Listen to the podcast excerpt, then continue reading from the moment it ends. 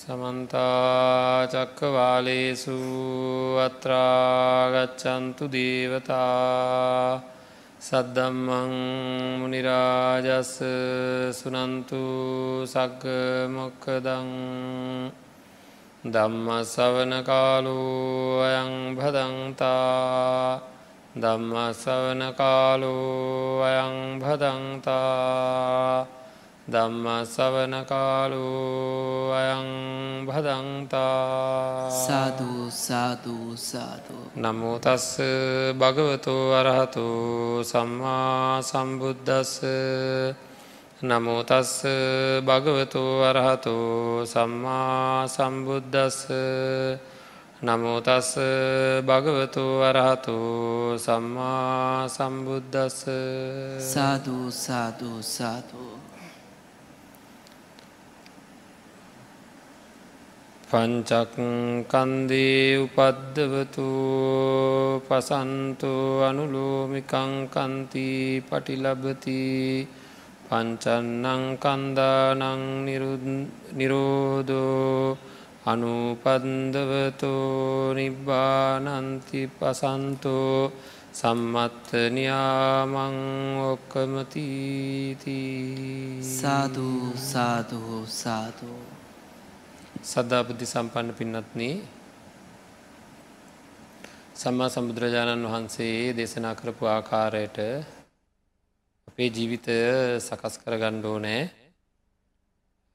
අපේ ජීවිතය සකස් කරගෙන මේ ජීවිතය සූපත් කරගෙන සසර ජීවිතය සියලු දුක් නැති කරගෙන සසර ලැබෙන්ට තියෙන සුළු දුක් නැති කර ගැනීම තමයි මනුස ජීවිතයක අපි ළඟා කරගත යුතු එකම ඉලක්කය. මොකද අනිත් හැම දෙයක්ම පින්නත්න අනිත් හැම දෙයක්ම ඉවරක් වෙන්න නෑ. කෙටියෙන් කියනවන අපි කරන වැඩ හයයි තියෙන්නේ. වෙන මොකක්පත් නෑ. කරන වැඩ හය තමයි ඇහැට කැමති රූප පෙන්නනවා කනට මිහිරි සබ්දස්ස වනවා නාසයට කැමති ගන්ධ දිවට කැමති රස ශරීරයට කැමති පහස කියන ආකාරයට මේ දේවල් ලබාදීම සඳහා මේ ශරීරයට වෙහෙසෙනවා.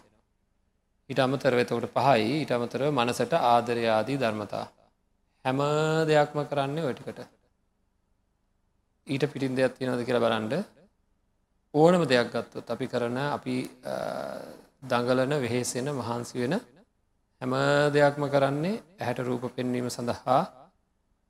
කනට සබ්ද එකන රූප ශබ්ද ගන්ධ රස ස්පර්ශ ධම්ම කියන දේවල් රුචි පරිදි මේ ලෝකයේ තියෙන දේවල් මම කැමති පරිදි මගේ වටේට මේ දේවල් පවත්වා ගැනීම සඳහා මං අකමැති දේවල් අයිංකර ගැනීම සඳහා කැමති දෙවල් අංකරගෙන තබා ගැනීම සඳහා ගන්න උත්සාහය තමයි මුලක ඉඳං අගදක්වාම ජීවිතය තියෙන පටන්ගත දවසිදලා ඉතිං ඒක ඉවරක් වෙන්නේ නෑ.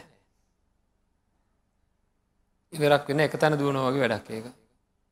ඉතින් ඒ සඳහා නොඒකුත් අපිට නමුත් මගදී මේ යන ගමන මගදී සැරෙන් සැරේ ලොකු ජයග්‍රහණ ලැබුණාවාගේ දෑනවා ඒ ඒ ජයග්‍රහණ විදිහයට සමරන්නේ මෙම පවත්තගන්නට කාලයක් පුළුවන් යම් කිසි ආකාරයක ගොඩ ගහගැනීමක් කරගන්න පුළුවන් වුණා කියලා අපිට එක පාටම බලයක් ලැබුණා කෙනෙකුට එක පාටම හදිසියම උත්සාහ කරලා නොහිතපු වෙලාවක ඇමතිකමක් හම්බෙනවා.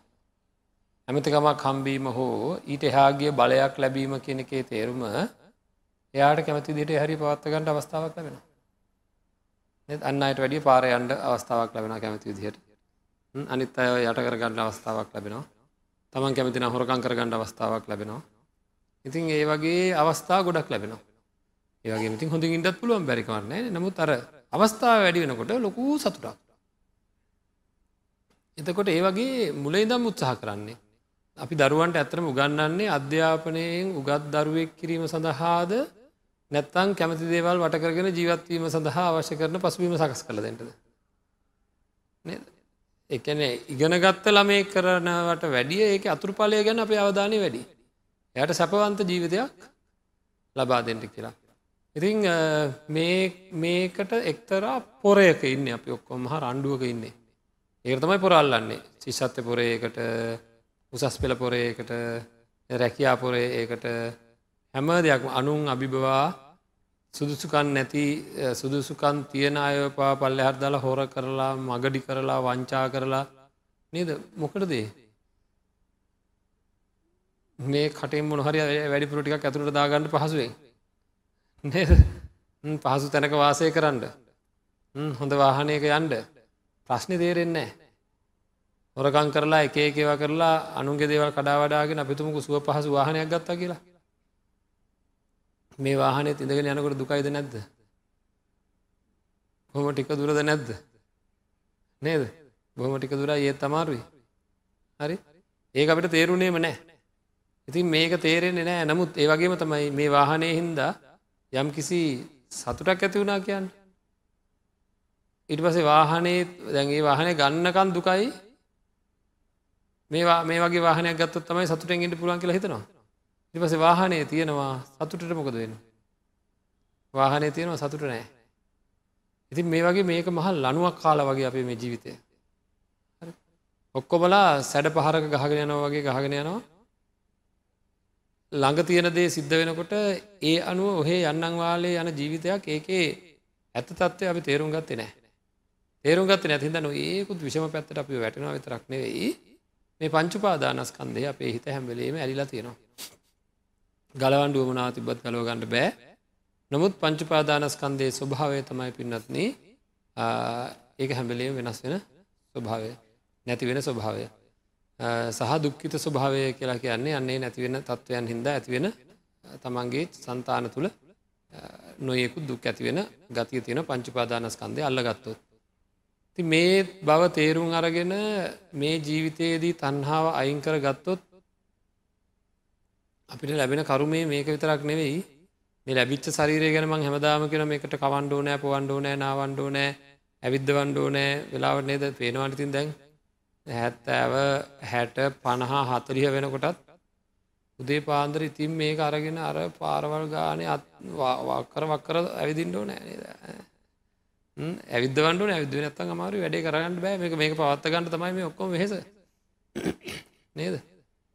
මේක මේක පවත්ත ගන්නඩ ශක්තිය නැති කරන්න මේක එකතු වෙලා තින ගබඩා වෙලා තින අයින් කරන්න ඕන. ඒ වගේ පුද්තුම දුකක් දෙන උදේ පාන්දර නේද? දේ පාන්දර දඟලන්ඩෝ නෑ දුවන්ඩෝ නෑ ඊළඟට ඉතින් මංකයන්ඩෝ නෑනේ. එද නාවන්ඩෝ නෑ කවන්ඩෝ නෑ පොවන්ඩෝ නෑ සීතල නම් පොරුවන්ඩෝ නෑ උස්න නම් පවන් ගස්තවන්ඩෝ නෑ පැයහයක් තිල පැයහයක් විතර හරහදාලා තිලා අපහු ගණ්ඩෝ නෑ නැත්තම් බෑ. මේක පාවිච්චර ගන්න බෑ නැත්තම්. ඉතින් ඒ වගේ තියෙන ශරීරයක් එක තමයි අප මේ පොරල්ලන්න හැම්වෙලේ පොරයක් මේ ශරීරයත් එක්ක.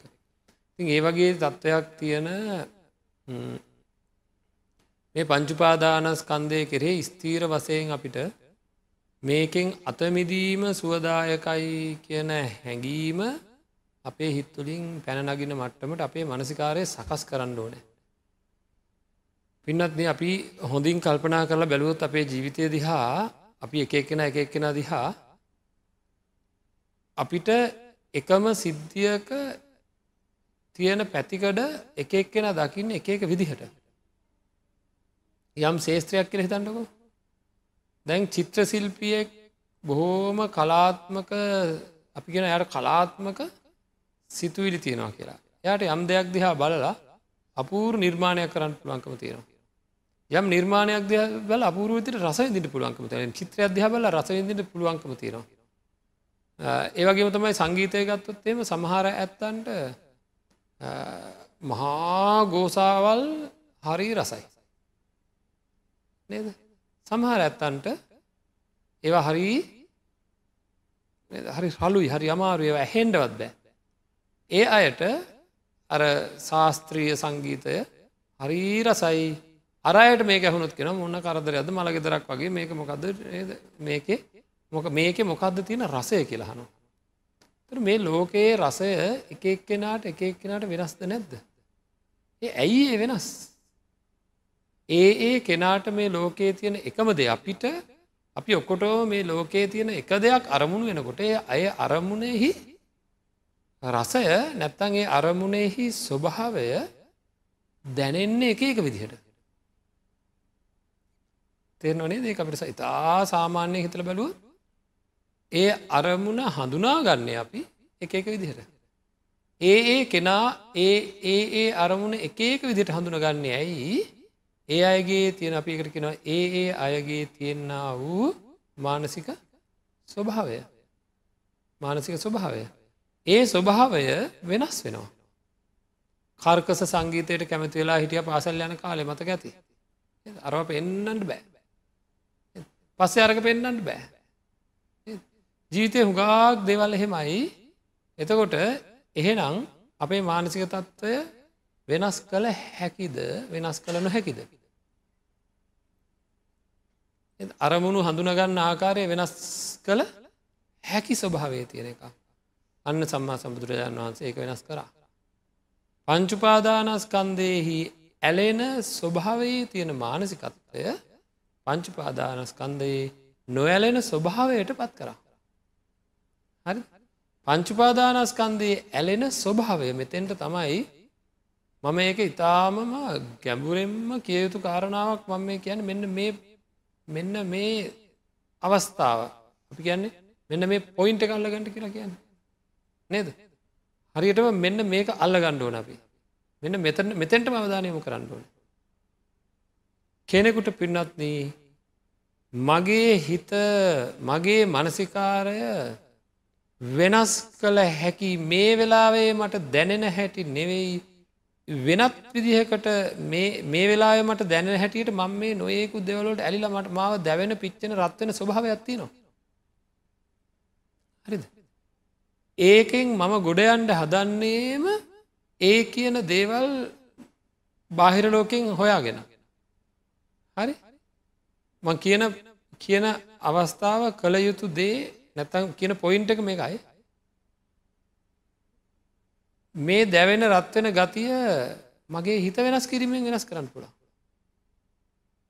හරි යම් දේකට යම් දෙයක් හින්දාමට සතුටක් ඇතිවන්නේ නම් ඒදේ කෙරෙහි මට කලකිරීමක් ඇතිවෙන මටමට මගේ මනස්කාරය සකස් කරන්න පුළුව එක ඇත්තන හැබයි. ඇත්ත පැත්තට හැරෙන්න්න හෙම හොඳ දේකට කලකිරවගන්නඩ අවස්ථාව වෙන්න බොරුවට කලකිරෙන්ට ඕන්න යම්ද ඇත්ත දැනෙනකොට ඇත්ත දැන් අපිතමකෝ සත්පුරුස පුද්ගලයේ කියලා මම කවුහරි ගැන හිතාගන්න ඒකද මට එයාව දකිනකොට මට ඇතිවෙන්නේ සතුරා නමුත් ඇත්තරම අසත්පුරුස පුද්ගලය එතකොට මේ සතුටත් එක් සටන් කරන එක නේ මං කරන්න ඕනේ අරය ඇත්තටම සත්පුරුසද අසත්පුරුසද කියලා හොයාගන්න එක එතකොට මම යා සත්පුරුසයි කියලා හිතාගෙන ඉන්න තා කල් ලේසියකට මම ලෑස්ති නෑ යා සත්පුරුසයි කියලා පිළිගන්න. ඒක තමයි මෙතන තියෙන සම්පූර්ණ ප්‍රශ්නය. හරිද. මම සත්පුරුසයි කියලා මට දැනෙන තාක්කල් මම මගේ මනස වෙනස් කරලා මෙයා අසත්පුරුස විදිහට දැනෙන්ඩ ඕන කියලා මම ලෑස්ති නෑ. නේද. ඒකට මට කාගෙහරි ලොකු තල්ලුවක් කාගෙහරි ලොකු මඟ පෙන්වීමක් ඕන මට සැකවපදින්ඩ ඕන මෙයා ඇත්තටම සත්පුරුස නැද්ද අපේ. එදාට මං ගවේශණය කරන්නාව.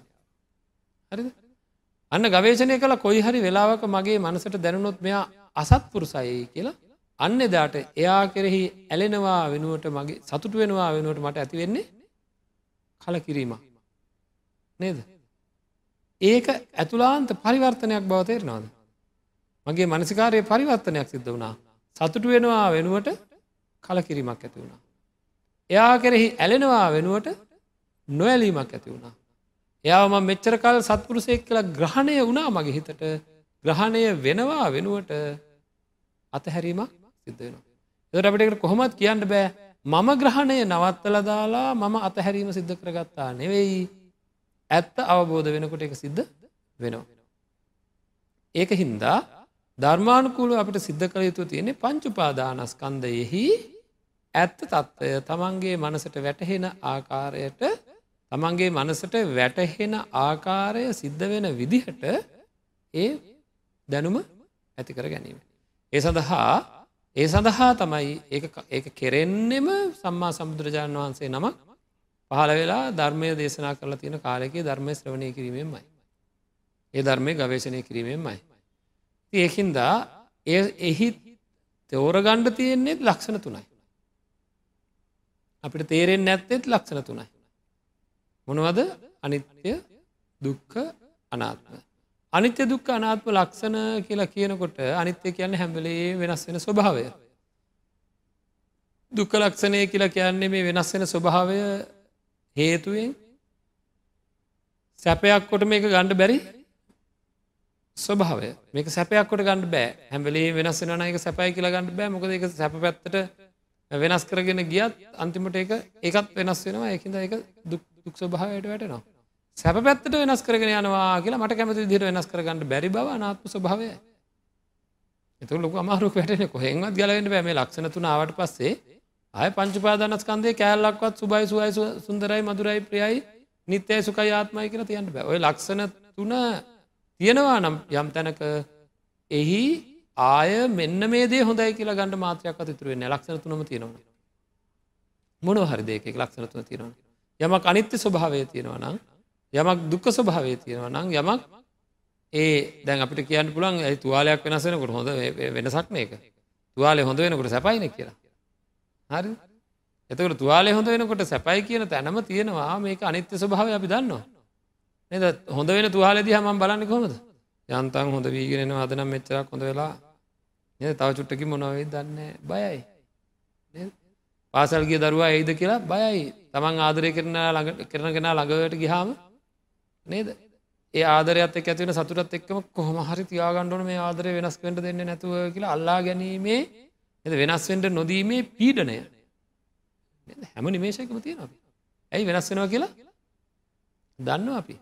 වෙනස් වෙන සුභ අපි හැම වෙලේම උත්සාහයක් ගන්නවා. එකට කෙන විපරිනාම දුක.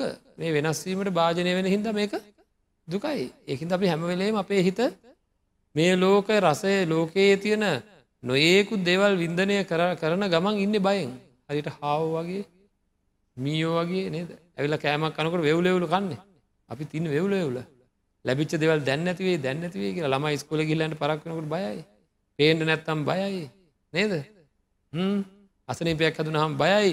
වැඩිපුර වාරගානක් වෙවුලවෙවුල වෙවුලලින්නේ අන්න ඒ ස්වභාවය තියෙන මේ ලෝකයේ අපි අපේ මනසිකාරය වෙනස් කරගණ්ඩෝ නෑ ලෝකය වෙනස් කරලා සතුටුවීමක් ලෝකය වෙනස් කරලා සැනසීමක් නෙවෙයි. හිත වෙනස් කර සැනසීමයි බුදුරජාණන් වහන්සේගේ ධර්මය කියලා කැන්නඉතින් ඒ සඳහා තමයි හතලිස් ආකාරයක මෙනෙහි කිරීමක් තියෙන්නේ පංචුපාදානස්කන්දය ගැන. ඒකට කියනවා මහා චත්තාලී සාකාර භාවනාව කියලා. චත්තාලී සාකාර ගැන හතලිස් ආකාරයකින් අනිත්‍ය දුක්ක අනාත්මයන් වැටහෙන ආකාරයට අපේ මනසට අපේ මනස වෙනස් කිරීම. ඉතිං සැරෙන් සැරේ මේක කියල දෙනකොට ඔය විග්‍රහය කරණ්ඩෝ නැනෙම ඉළඟට මේකෙද අහයි ඉතින් අනිත්‍ය දුක්නාත්මතින් අපි දන්නව දැන්ව කිවහම දැනගත්තන කිය හරිද? ප්‍රත්‍යක්ෂව අවබෝධ කර ගැනීම කියන එකයි දැන ගැනීම කියන එකයි දෙකක් මේක අපි දැනගැනීම කියලා හිතන්නේ සාමාන්‍ය තාක්ෂණ විද්‍යාව තුළ අපි ඉගෙන ගන්නකොට. සෞඛ්‍ය ඉගෙන ගන්නකොට විද්‍යාව ඉගෙන ගන්නකොට ගනිතය ඉගෙන ගන්නකොට අපි කරමකක්ද ඒ කරුණු අසා දැනගත්තා. තර්කයට ගලප ගත්තා. මේක වුණොත් මේක වෙනවා මේක වුණොත් මේක වෙන මේක හවල් මූල ධර්මය මේක හවල්දය කියලා නේද. හැම දෙයක්ම ඒ ඒ ශේස්ත්‍රය තුළ තියෙන නීතිය. ඒ ඒ ශේස්ත්‍රල තුළ තියෙන නියමයන් ඉගෙන ගත්තා. ඒ නියමයන්ට ඉගෙන ගතට පස් ඒ නියමයන් එක්ක අපි මොකද කරේ? ඒවට මේවා යොද යොදව යොද යොද බැලුව. හරි? ඒවා කොපමණකින් සාධාරණද කියලා අපි හිතල බලන්ඩ ඕනේ. මේ ළඟදිමට හම්බුණා ලෝකයේ ඉන්න ශ්‍රේෂ්ඨ ලෝකයේ ඉන්න ඉහළම තැනකින්න ගනිතක්නයෙක් විද්‍යාඥයෙක්. මේ විද්‍යාඥය හැබැයි ලාංකිකයෙක් හරිද ඉතිං මේ තැනැත්තත් එක්ම ධර්ම සාකච්ඡාවක් කරන්න ලැබුණ අවස්ථාව. නුවන තියෙන ඇත්තන්ට තියෙන ලාභය කොච්චරද කියල මේ මේ මහත්මයා ලංකාවේ උසස් පෙළ විභාගයෙන් නියම වයසටත් පෙර ලංකාවෙන් පලවිනය වෙච්ච කෙනෙක්. එහෙම කරලා මහාචාර තත්වකට පත් වෙලා දැන් විදේශ රටක ජනප්‍රිය විශ්වවිද්‍යාලයක ගනිතය පිළිබඳ ලෝක ඉන්න දෙවනියට ඉන්න කෙනෙක් කියලතම මට අඳුල දුන්න එතුමානවේ වෙන කෙනෙක්වේ දැන්ට හෙමයි කියලා. ඉතින් අපි ධර්ම සාකච්ඡාවක් කරන වෙලාවක මෙන්න මෙහෙම කාරණාවක් මතක් කර. මටත් දැනගන්න ඕන විද්‍යාවත් එක් සම්බන්ධ කරගන්න ඕනයවා ගැන ම සාකච්ඡා කර හිටිය. සාකච්ඡා කරන්න මෙන්න මෙහෙම කියනවා. මේ ඔක්කෝම නියමයන් අපේ හාමුදුරුවනේ. මේ විද්‍යාව කියලා කියන්නේ ඔක්කෝම උපකල්පන මත රඳා පැවතිල තියෙන දෙයක්. එතකොට එක පරම සත්‍යයම කියලා ගණ්ඩ පුළුවන්කමක් නෑ. මඟම ඇයි එහෙම කියන්නේ. බුදු දහම එහෙම උපකල්පන මත රඳා පවතින දෙයක් නෙවේ. කොතනකවත් උපකල්පන නෑ නියමයන් නෑ. නමුත් විද්‍යාවකෙන් උපකල්පන ඒත් මටත් අරයට තේරුණේ නෑ. එතු මේක පුංචි උදාහරණයකින් මට පැහැදිලි කරා. කැටයක් අරගෙන දාදු කැටයක් අරගෙන උඩදාපු හාම එක වැටෙන්ට පුළුවන් දෙක වැටෙන්ට පුළුවන් තුන වැටෙන්ට පුළුවන් හයදක්වා වැටෙන්ට පුළුවන්. අපි කියනවා ඇතකොට පහ වැටීමේ සම්භාවිතාව හයෙන් එකයි කියලා. නේද? හරියටම හරි. සම්භාවිතාව පහෙන් එකයි. නමුත් ඒ සිද්ධිය සිද්ධවීමේ ඒ සිද්ධිය අපිතමුකෝ අපි ඒ ඒ හයෙන් එක දක්වා ළඟාවෙන්නේ වැඩී වාරගාන ගිහම්. නමුත් අපි හිතමු දැන් හය පාරක් උඩ දැම්ම කියලා. ඇත්තටම හයෙන් එකද වැටෙන්නේ. අන්න එක තමයි තින ප්‍රශ්න. සත්‍යය ගත්තොත් ඒක නොවෙන්ට තින ඉටකඩ වැඩි. එකන පහේලක්කම තුන්සරයකටෙන්ට පුළුවන් ඕන. නේද? නමුත් මේ උපකල්පනය එන්නේ කොහොමද මේ ඔක්කොම රඳා පවතින්නේ ඔන්න ඕක මත එකන මුළු විද්‍යාවම මේ ධාතු කැටේ මත නෙවෙයි නේද හුඟාක් දේවල් රඳා පැවතුනේ ඔන්න ඔය වගේ නියමයක් මත එක්තර උපකල්පන මත තමයි මේක ගොඩනගාගෙන ගිය. ඉතින් කාලයක් සමහර දේවල් ඇත්තයි කියලා ගොඩනගාගෙන විශාල වැඩ කටයුතු කරපුහාම කාලෙකදිමක දුනේ තව කෙනෙක් යමක් ඉදිරිපත් කරපුගම මුළු සමස්ත විද්‍යාවම වෙනස් වුනා. වසර වසර ගානක් ඇතුළත තාක්ෂණික විද්‍යාව සැරෙන් සැරේ සියලු සංකල්ප වෙනස්වීමවලට භාජනය වුණා නමුත් සම්මා සමුදුරජාන් වන්ස දේශනා කරපු ධර්මයමනෑ. ඒමකද ඒක සත්‍ය හින්දා කිය. හරි එක උපකල්පනය කර අපි විසිපස්සරයක් මේ උඩදාපු හාම පහහිලක්කම වැටෙන්ට තියෙන වාරගාන කියලා සම්භාවිතාව ගත්ත හැකි. සම්භාවිතාව අනුව ඒක හිතාගණ්ඩ පුළුවන් නමුත් ඇත්ත ඒක නෙවෙයි. ඇත්ත එක වෙන්ඩත් පුළුවන්. නොවෙන්ඩත් නොවෙන්ඩත් පුළුවන්. එනම් අන්න ඒ වගේ මෙන්න මේක බොරුවෙන් අවස්ථා තියෙනවාය කියලා. ඉතිං ඒ තැන්වලදී ඒ නුවනැති මිනිස්සු කතා කරන්නේ හොඳ හොඳට ඉගෙනගත්ත හොඳට විද්‍යාව තාක්ෂණක විද්‍යාව ඉගෙන ගත්ත මිනිස්සු බුද්ධාගම මුලින් තියලා තාක්ෂණික විද්‍යාව තියෙන දේවල් බුද්ධහගම අරටුව කොට අරගෙන එක දෙකම දන්න අය බුද්ධාගම අරටුව කොට අරගෙන තාක්ෂණික විද්‍යාව ඒකට ගලපන. තාක්ෂණික විද්‍යාව දන්න ඇත්තන්ට බුදුරජාණන් වහන්සේගේ ධර්මය තාක්ෂණික විද්‍යාව නොදන්න ඇත්තන්ට බුදුරජාණන් වහන්සේගේ ධර්මය අවබෝධ කරන්න බෑ කියලක නෑ කොන්ටම් විද්‍යාව දැනගෙන ඉන්ඩ ඕන්නෑ ධර්මය අවබෝධ කරන්න.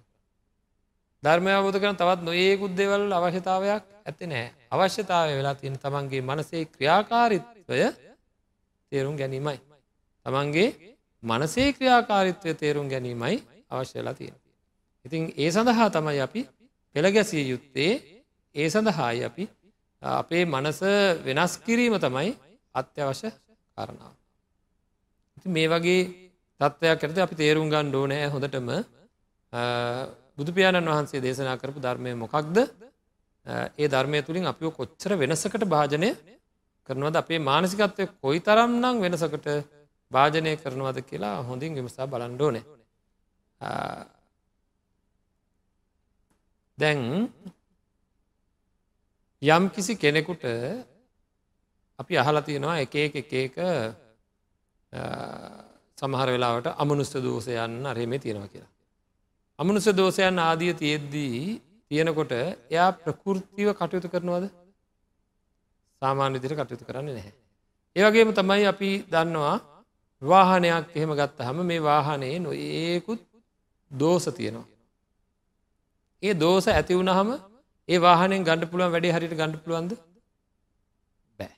නේද?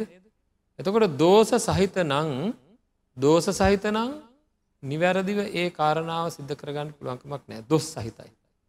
වැරදි සහිතයි. හරි? පංචුපාදානස්කන්දය ගත්තහම අන්නේ පංචුපාදානස්කන්දයට අපි කියනවා උපසග්ගතු කියලා.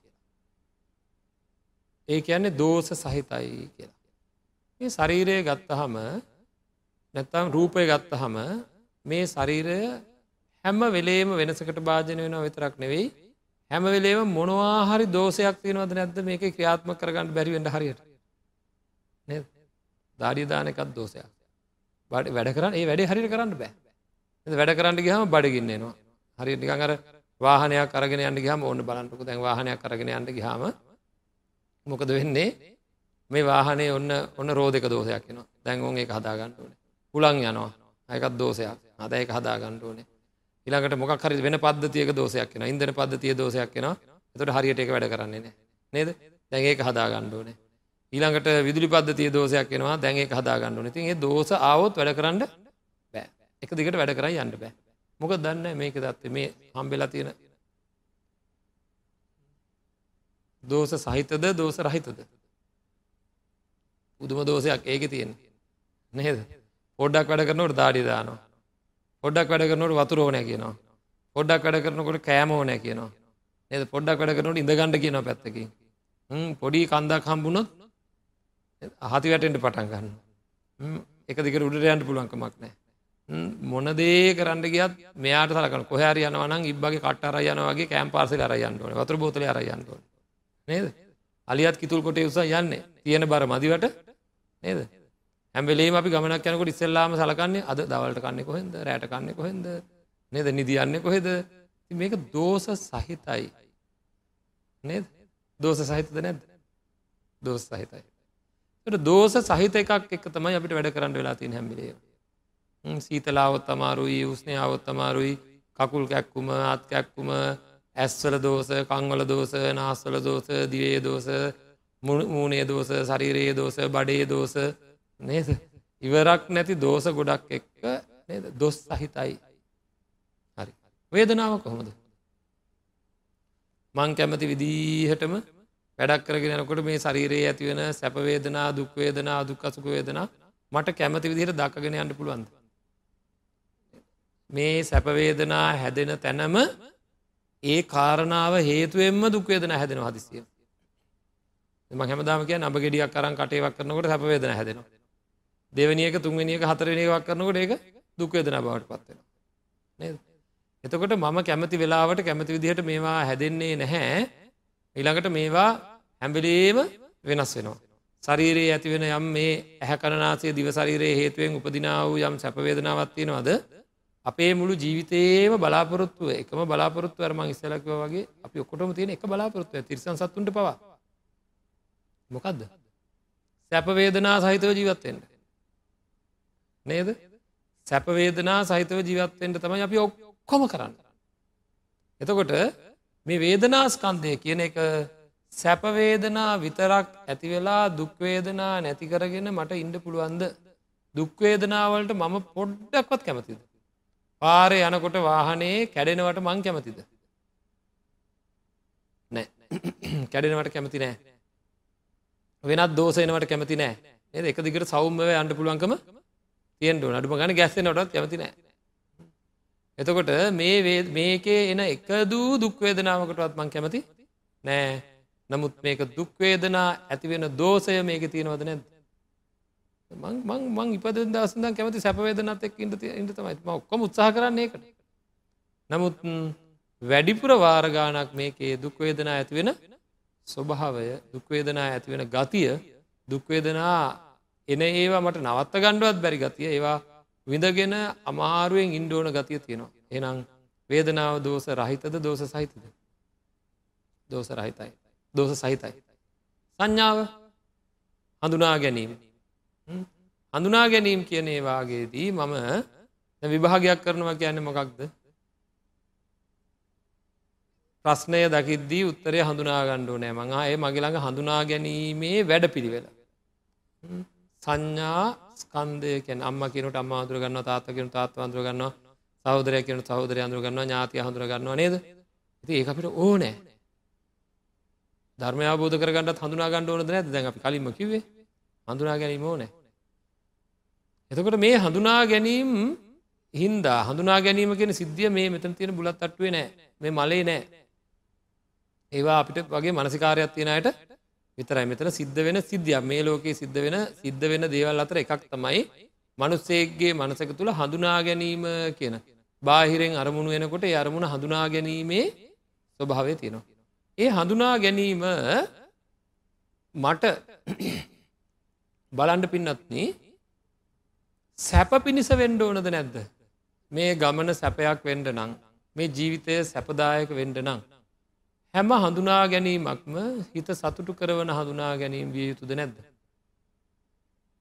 මළගෙදරක් වෙලා හරි දුක්කිත තත්වකට පත් වුණා. ප්‍රියගෙන් වෙන්ගෙන්ට වෙලා. හරි අමාරුවෙන් අමතක් කරගෙන ඉන්න දැන් කොහොම හරි වෙන දෙකට තෙවදාගෙන. එයාට අදාළ යාළුවෙක් හම්පෙනවා. එයාට අදාළ ඇඳුමක් හම්පෙනවා. එයාට අදාළ සින්දුවක් හම්පෙනවා. එයාට අදාළ මොනවාහරි දෙයක් හම්බෙනකොට බලහත්කාරයෙන් එපා කියද්දි රිදුම් සහිත දැවිලි සහිත හඳුනා ගැනීම මෙනවද නැද්ද. එක දෝසයක්ද නැද්ද. මේ දෝස වැඩි වුණහම සමහරය කට්ටිය ගිල කෝචිර පයිනවා. මොකද මේ හඳුනා ගැනීම හිද ගින්දරමතු වෙනවා යාලගේ ඇතුලාන්තයෙන් ගිනි ගන්නවා. ඒ ගින්නයට නින්දයන් නැති තරමට ප්‍රබල වෙන. ඉඳගෙන ඉන්නකොට මේ ලෝකෙ කොච්චර සීතර තැන හිටියත් යවරත් වෙනවා. නේද? එතකොට මේ මහපොළුව ගිනිගත්තා වගේ දැයනවා එක තැනක ඉන්ඩ බෑ වගේ තේරෙනවා. ඇතුලාන්තයෙන් එන එක දරාගණ්ඩ බැරි දෝසය සංඥාස්කන්දය තියෙනවද නැත්. ඒක ඒක හරි කෙලින් තියෙන්ටුන් තියෙනවන හරි තියෙන්ටුනේ වාහනය නම් එක සුපීරි වාහනයක් වෙන්නුනේ දෝස දෝසත් එක්ක බෑ. නේද? මේක එමන හරි දෝස සහිතයි. සංඥාස්කන්දයක ක්‍රියාකාරිත්වය කොතන හරි තියෙනවන එක දෝස සහිතවමයි මේ සංඥාගොඩ නැගි නැගී නැගි නැගී නැගි නැගෙන් පිළිගන්නවා. මන් නිකං අහන්නම්. වැඩියෙන් තියෙන්නේ දෝසද වැඩියෙන් තියෙන්නේ හොඳට වැඩ කරන වෙලාවද? නේද? ශරීරය හොඳටම වැඩ කරන වෙලාවල් බොහොම අඩුයි. එ සැපවේදනාව මේක තියෙන වෙලාවල් බොහොම අඩුයි. රත්විලි දැවිලි ආශ්‍රව රහිත සංඥාවල් බොහෝම අඩුයි. සංස්කාර කියන්නේ ආදරය ඊර්ෂාව ක්‍රෝධය කැමැත්ත ගිජු බව කෑදරකම මසුරුකම වැනි හිතේ වෙනස් මේ හිත එක පාට වෙනස් වෙනවා. අපි සාන්තව පාර යනවා බොහෝම සැනසීම යනවා. යනකොට මම මෙහෙම ඉන්න මම මෙහෙම කරලා බලනකොටම තරහකාරයෙක්ව දැක්කා. හරි තරහකාරයා දකිනකොට මගේ ඇස් දෙක මෙහෙම පියවන වේගයට වඩා වැඩි වේගෙකින් මගේ මේ සිත සම්පූර්ණ වෙනස් වුනාද නැද. සම්පූර්ණ වෙනස් වෙලා මේ එයා මොකුත් කරේ අර ඇතර දැක් අපි යාගේ ඡායාරූපයක් දැක්කක් කියලා අඩුම ගානේ. ඇල්බම් එකක්.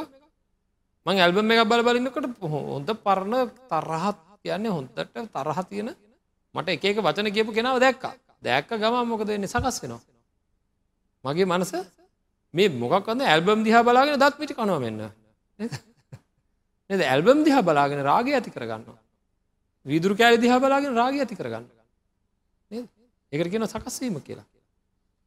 අද ලෝකයේ මොන්න තරම් මේකට ඇබ්බැහි වෙලාද කියනවා නං පොඩි කොටුවක් අතේ තියාගෙන මේක හුරහුර මේක දිහා බල බලන්නවා ලෝකෙම යනගමන් නේද? මටක දරුවෙක් ගෙනල පෙන්වා සම ලයිට් කනුවල හැපෙනවලු සමහරය වතුරට වැටනවල මේක දිහා බලාන අන්න ගිල්ලා ඒ තරමට ඒ අපිට වැඩක් නෑ නමුත් ඒවගේ තමයි මුලා වෙලා ඉන්නවා කෙන අයගෙ තේ මේ තරම් මුලා වෙලා. මොකද ඇතිවෙන සංස්කාරය විෂම වූ සංස්කාරයන් ඇතිවෙනවා. අනුන්ට ගහන්ඩ ඕන කියන සංස්කාරයන් ඇතිවෙනවා. අනුන්ට රිදවන්ඩ ඕන අනු මරන්ඩෝ නෑ කියල හිතුනොත් මරනවා. තමන් මැරෙන්ඩ ඕන කියල හිතුවත් මැරෙනවා. අනාගත සසර සසර විශාල විශාල ව්‍යසන ඇතිවෙන ආකාරයේ ක්‍රියාකාරකංවල් සිද්ධ වෙන ආකාරයේ සංස්කාරයන් සිද්ධ වෙනවා. මේ සංස්කාරය හොඳයයි සුවයයි සුන්දරයයි මදුරයයි කියලා අපිට ඒ සංස්කාරය ඇලීමත් තියෙනවා. ඒ ඇලීම තිය නැත්තා දන්නේ නැහැ මේ සංස්කාරයමා විනාස කරනවා කියලා. සබ්බ සංකාර සමතෝ කියලක නිවනයි. හරි අපිට මේ ලෝකයේ ජීවත්වෙන්ට බෑ පින්නත්න ඇහැ කන නාසේ දිව ශරීරය අරගෙන රවම යන්ඩ වෙලා තියන්න අපිට එක නැතු යන්න බෑ පාර යනකොට මෙහෙම හැරි හරි බලන්නකොට බලන්නතු යන්න පුළුවන්ග බලන්නකොට මොකද වෙන්නේ? රාගාදී කලෙස්තරම උපදිනවා තරහ උපදිනවා මසුරුකං උපදිනවා. නේද? මේ උපදින උපදින හිත වෙනස් වෙන වෙනස් වෙන ඇතිවෙන ඇතිවෙන සංස්කාරයට අනුව මේ ශරීරය හටම හට දුවන්ඩෝනෑ යමක් බලන්ඩෝන කියලා හිතුන ඒ පැත්තට යන්ඩෝනෑ එහම නැතු ඉන්ඩ බෑ. රත්වෙනවා දැවෙනවා. රත්වෙන දැවෙන පිච්චිලි සහිත. නේද? රත්වෙන දැවෙන පිච්චිලි සහිත සංස්කාරයන් උපදිනවා අපේ මනස්කාර ඒක මට මහානියද නැද පාඩන් කරන්න දෙන්නතුව තීන මිද්දය කියන සංස්කාරය ඇතියෙනවා පාසල් යන කාල. භාවනා කරන්න දෙන්නතුව කුසීතකම කියන එක ඇති වෙනවා. කුසලේ ඒදෙන්ට දෙන්නතු අනි පැත්තර අදිනවා. අපි නිකං හිතල බැලුවොත් ජීවිතය කොච්චර කාලයක් ජීවිතය කොච්චර කාලයක් නං අහක ගියාද? තේරුමක් නැති දෙවල්ල යෙදියදී යෙදියදී යෙදියදී ඉඳලා. කැරම් බෝඩ් එකක් ළඟ කොච්චර කාලයහක ගියාද? කාඩ් කුට්ටමක් ළඟ කොච්චර කාලයහක යනවද? කම්පියුටර් ගේ මිස්සරහා මිනිස්සුගේ කොච්චර කාලයහක යනවද? එ කැමති රූප බල ඉන්ඩ හේ බල ඉන්ඩ කිසි දෙයක් නතු කොච්චර කාලයහක යනවද? ඉතින් මේ ඔක්කෝම ඒ සන්තාන තුළ ඇතිවෙන ඒ පිළිබඳ සුවයි සුන්දරයි මදුරයි කියලා නොකර ඉන්ඩ බැරි තත්වකට පත්වෙන සංස්කාරයන් නැතිවීම. නේද? ඉතිං මේ දේවල් මෙවැනි විෂම වූ සංස්කාරයන් සන්තාන තුළ ඇතිවෙන ස්වභාවය මේ පංචුපාදානස්කන්දය තියෙන. ඒකැන එයාටම හානි වෙන. තමන්ටම හානි වෙන කාමේ වරදවා හැසිරෙන්න්නටය කියලා ඒ පැත්තට ඇදිල්ලක් තල්ලුවක් මහා විනාසකාරි තමනුත් විනාස වෙලා තමන්ගේ පවුලත් විනාස වෙන මැරෙනකන් නින්දා සහගත දේවල් ලැබෙන සංස්කාරයන් චේතනාවල් ඒ ඒ සන්තානෝ ඇතිවෙනවදන දරාගණ්ඩ බැරි මහා ලොකු ලොකු මිනිස්සු සමහර වෙලාවට කීර්ති දරයෝ ස්ථාන පාලකයෝ සමහර වෙලාවට ලංකාවේ ඉතාම හීන දීන වැඩවලට වැටිලා මුළු ජීවිතයෙන් තිය පාරක බැහල යන්ට බැරි තරන් දෙවල් සිද්ධ කරගන්න. එයතු හරි අසරණයි. එවැනි තත්වකට පත්වෙන අය ඉතාම අසරණයි. ඒක කාටවත් පෙන්නේ. හරිත මංහන මේ අත්තන්ගේ බොහෝ වැරදි සිද්ධ වනේ හැම කෙනෙ අතිම වැරදි වෙලා තියෙනවා. බොහෝ වැරදි සිද්ධ වනේ බොහෝ නෙවේ ඔක්කොම වැරදි සිද්ධ වනේ පාලනය කරගන්න බැරූද නැත් පොඩි දෙයක් හරි. ආට හරි බැන්න නම් ගැහුවනම් නේද? රාගාධි කෙලෙස් ධර්ම. ඒකුත් දෙවා එහනම් අර මහා සභාවක් ඉදිරියේ විනාස වෙන මට්ටමට තමන් ඇතින් වැඩ සිද්ධ වනේ සමහර ඇත්තන්ට පාලනය කරගණ්ඩ බැරි සැකසීම් හින්දා. ඒ ඇත්තෝ ඒකම හින්දා මුළු ජීවිතයේ විනාස වෙලා පාරි බහලයන් බැත් අත්තට පත් වෙලා මහා නින්දිත ජීවිතයක් යන යන තැන හිතල බලන්ට මොහොතක්? මොනවහරි කාරණාවක් හිද නින්දාවට පත්වෙච්ච කෙනෙක්. තාම තද නින්දාවට පත්වෙච්ච කෙනෙක්. පසු කාලීනෝ හොඳට ඇඳගෙන යනවා පිරිසක් ඉන්න තැන උත්සවයකට. විවාහ මංගල උත්සයකට යනවා. කොච්චර චකිතකින්ද ජීවත්වෙන්ට අනිත් අය මොනවට හරි හිනහවුනත් එයා හිතන්නේ මට හිනහවුනා කියලා. නේද? මුළු ජීවිතයේම හැංගිලා ඇකිලිලා වගේ ජීවත්වෙන්ට ඒක තම සංස්කාරය තියෙන් දෝසය දෝස ඉස්මත් වුණා. දෝස ඉස්මත් වුණා. වාහනේ සමහල්ලාට වාහනේ දුම්බටේ පට පට පට පට ගාල කෑගහන් පටගන්න දෝසයක් ඉස්මත් වෙලා. ඒ වගේ නේද? සමහර වාහන හැම්බලේම පට පට පට පට පට ගාල කෑගහන් පටග. හරි සද්ද වැඩ කරන්නගේ මරි සද්දේ සමාරවාන නද සමහරයවා හොඳට වැඩ කරන සමහරයගේ දෝස ඉස්මත් වෙන. ඔහුද නැද්ද ඉතින් ඒ අපි ඒ විදිට දකිට බුදුුවෙන්ට වේ කවදහරදස මේ පංචු පාදානස්කන්දය දෝස සහිතය කියන විඤ්ඥානය තමන් කැමති ඒවමද මේක හැදෙන්නේ. රත්වෙන දැවෙන නද චක්කු විඤ්ඥාන සෝත විඤ්ඥාන ගහන විඤ්ඥාන ජිව්‍යා විඤ්ඥාන කාය විඤ්ඥාන රත්වෙන දැවෙන තැන්වල ඇති වෙනවා. එපා වෙන තැන්වල ඇතිවෙනවා. අනවශ්‍ය සද්ද ඇනවා අනවශ්‍ය දේවල් පේන හොඳ දේවල් බලන්ටි කියලා මෙහෙම බලන්නකොට ඔන්න ඇති දේවල් පේනවා දෑන. මං හොන මේ අත්තන්ගින් මෙච්චර යහන්න. කවදාක්වත් කොතනකවත් දෝස ප්‍රාර්ථනා කරලා තියෙනවාද. මට තියෙන දෝස තිබේවා නැති දෝස ඇතිවේවා එහෙම ප්‍රාර්ථනා කෙරෙන්නේ නෑ. පංචුපාදානස්කන්දය දෝස සහිතයි කියන මෙනෙහි කිරීම ඔය විදියට පංචුපාදානස්කන්දය දෝසයන් සහිත බව පිරික්සපුහාම.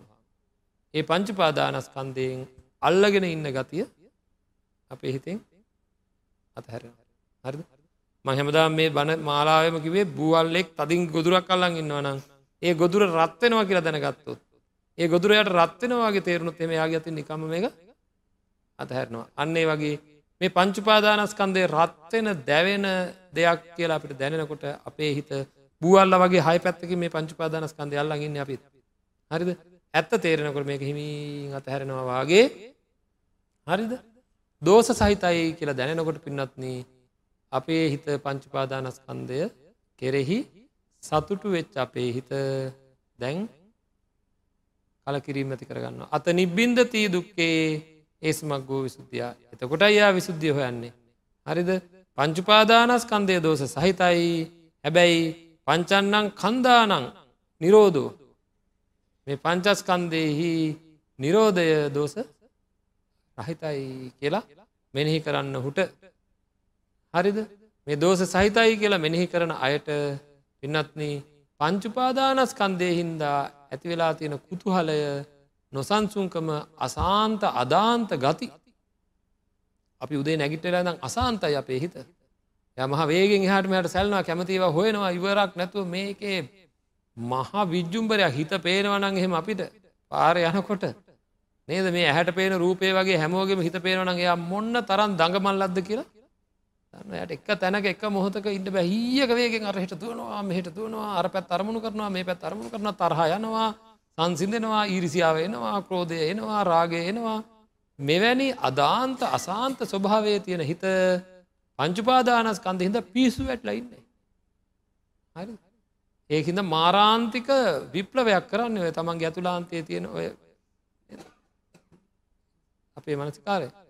ඒක දෝස සහිතය කියල දැනගත්ත හම මේ දුවන දිවිල්ල මේ වෙවුලන වෙවුලිල්ල ටික ටික ටික ටික අඩුවෙනවා අඩු වෙලා සාන්ත භාවයට පත්වෙනවා ඉවසේන ස්වභාවයකට පත්වන පංචුපාදානස්කන්දිද හෙල්ලෙන්නේ පෙල්ලෙන්නේ නැති තත්වට පත්වන එතකොට කියනවා අනුලෝමිකං කන්තිං පටි ලබති. අනුලෝම ශාන්තිය ලැබුණා ටික ටික ශාන්ත වෙනවා අපෙහිත. ටික ටික යටපත් වෙනවා. අර දඟලන දැඟල්ල දඟලන්නේ නෑ අන්නේ අනුලෝම ශාන්තිය ලබ් කෙනා. නිවන දෝස රහිතයි කියලා මෙනෙහි කරනකොට.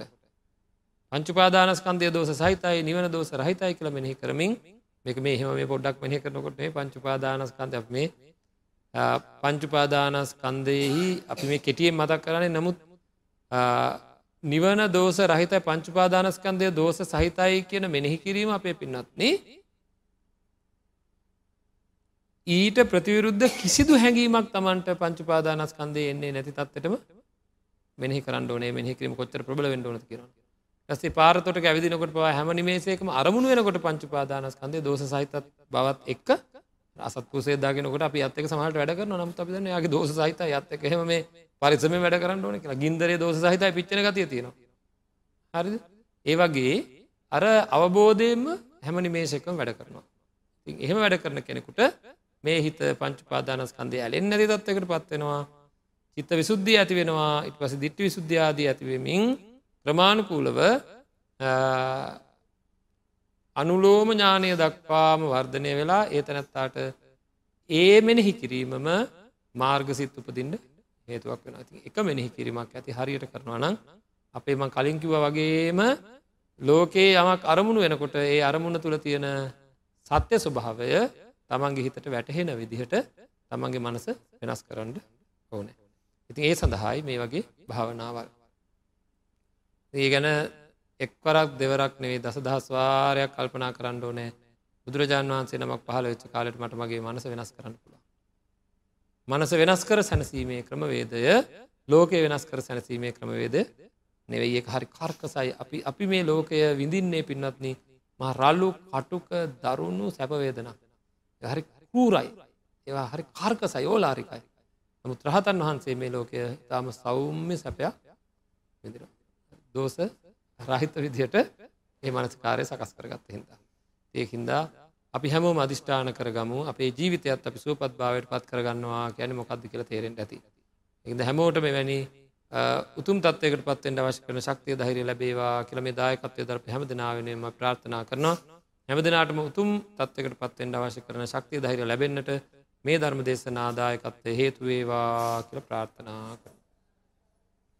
ආකා සට්ටාච බුම්මට්ටා දේවානාගා මහිද්දිකා පුඤ්ඥන්තන් අන්මෝදිත්වා චිරංරක්කං තුසාසනං චිරංරක්කං තු දේශනං චිරංරක්කං තුමං පරංතිී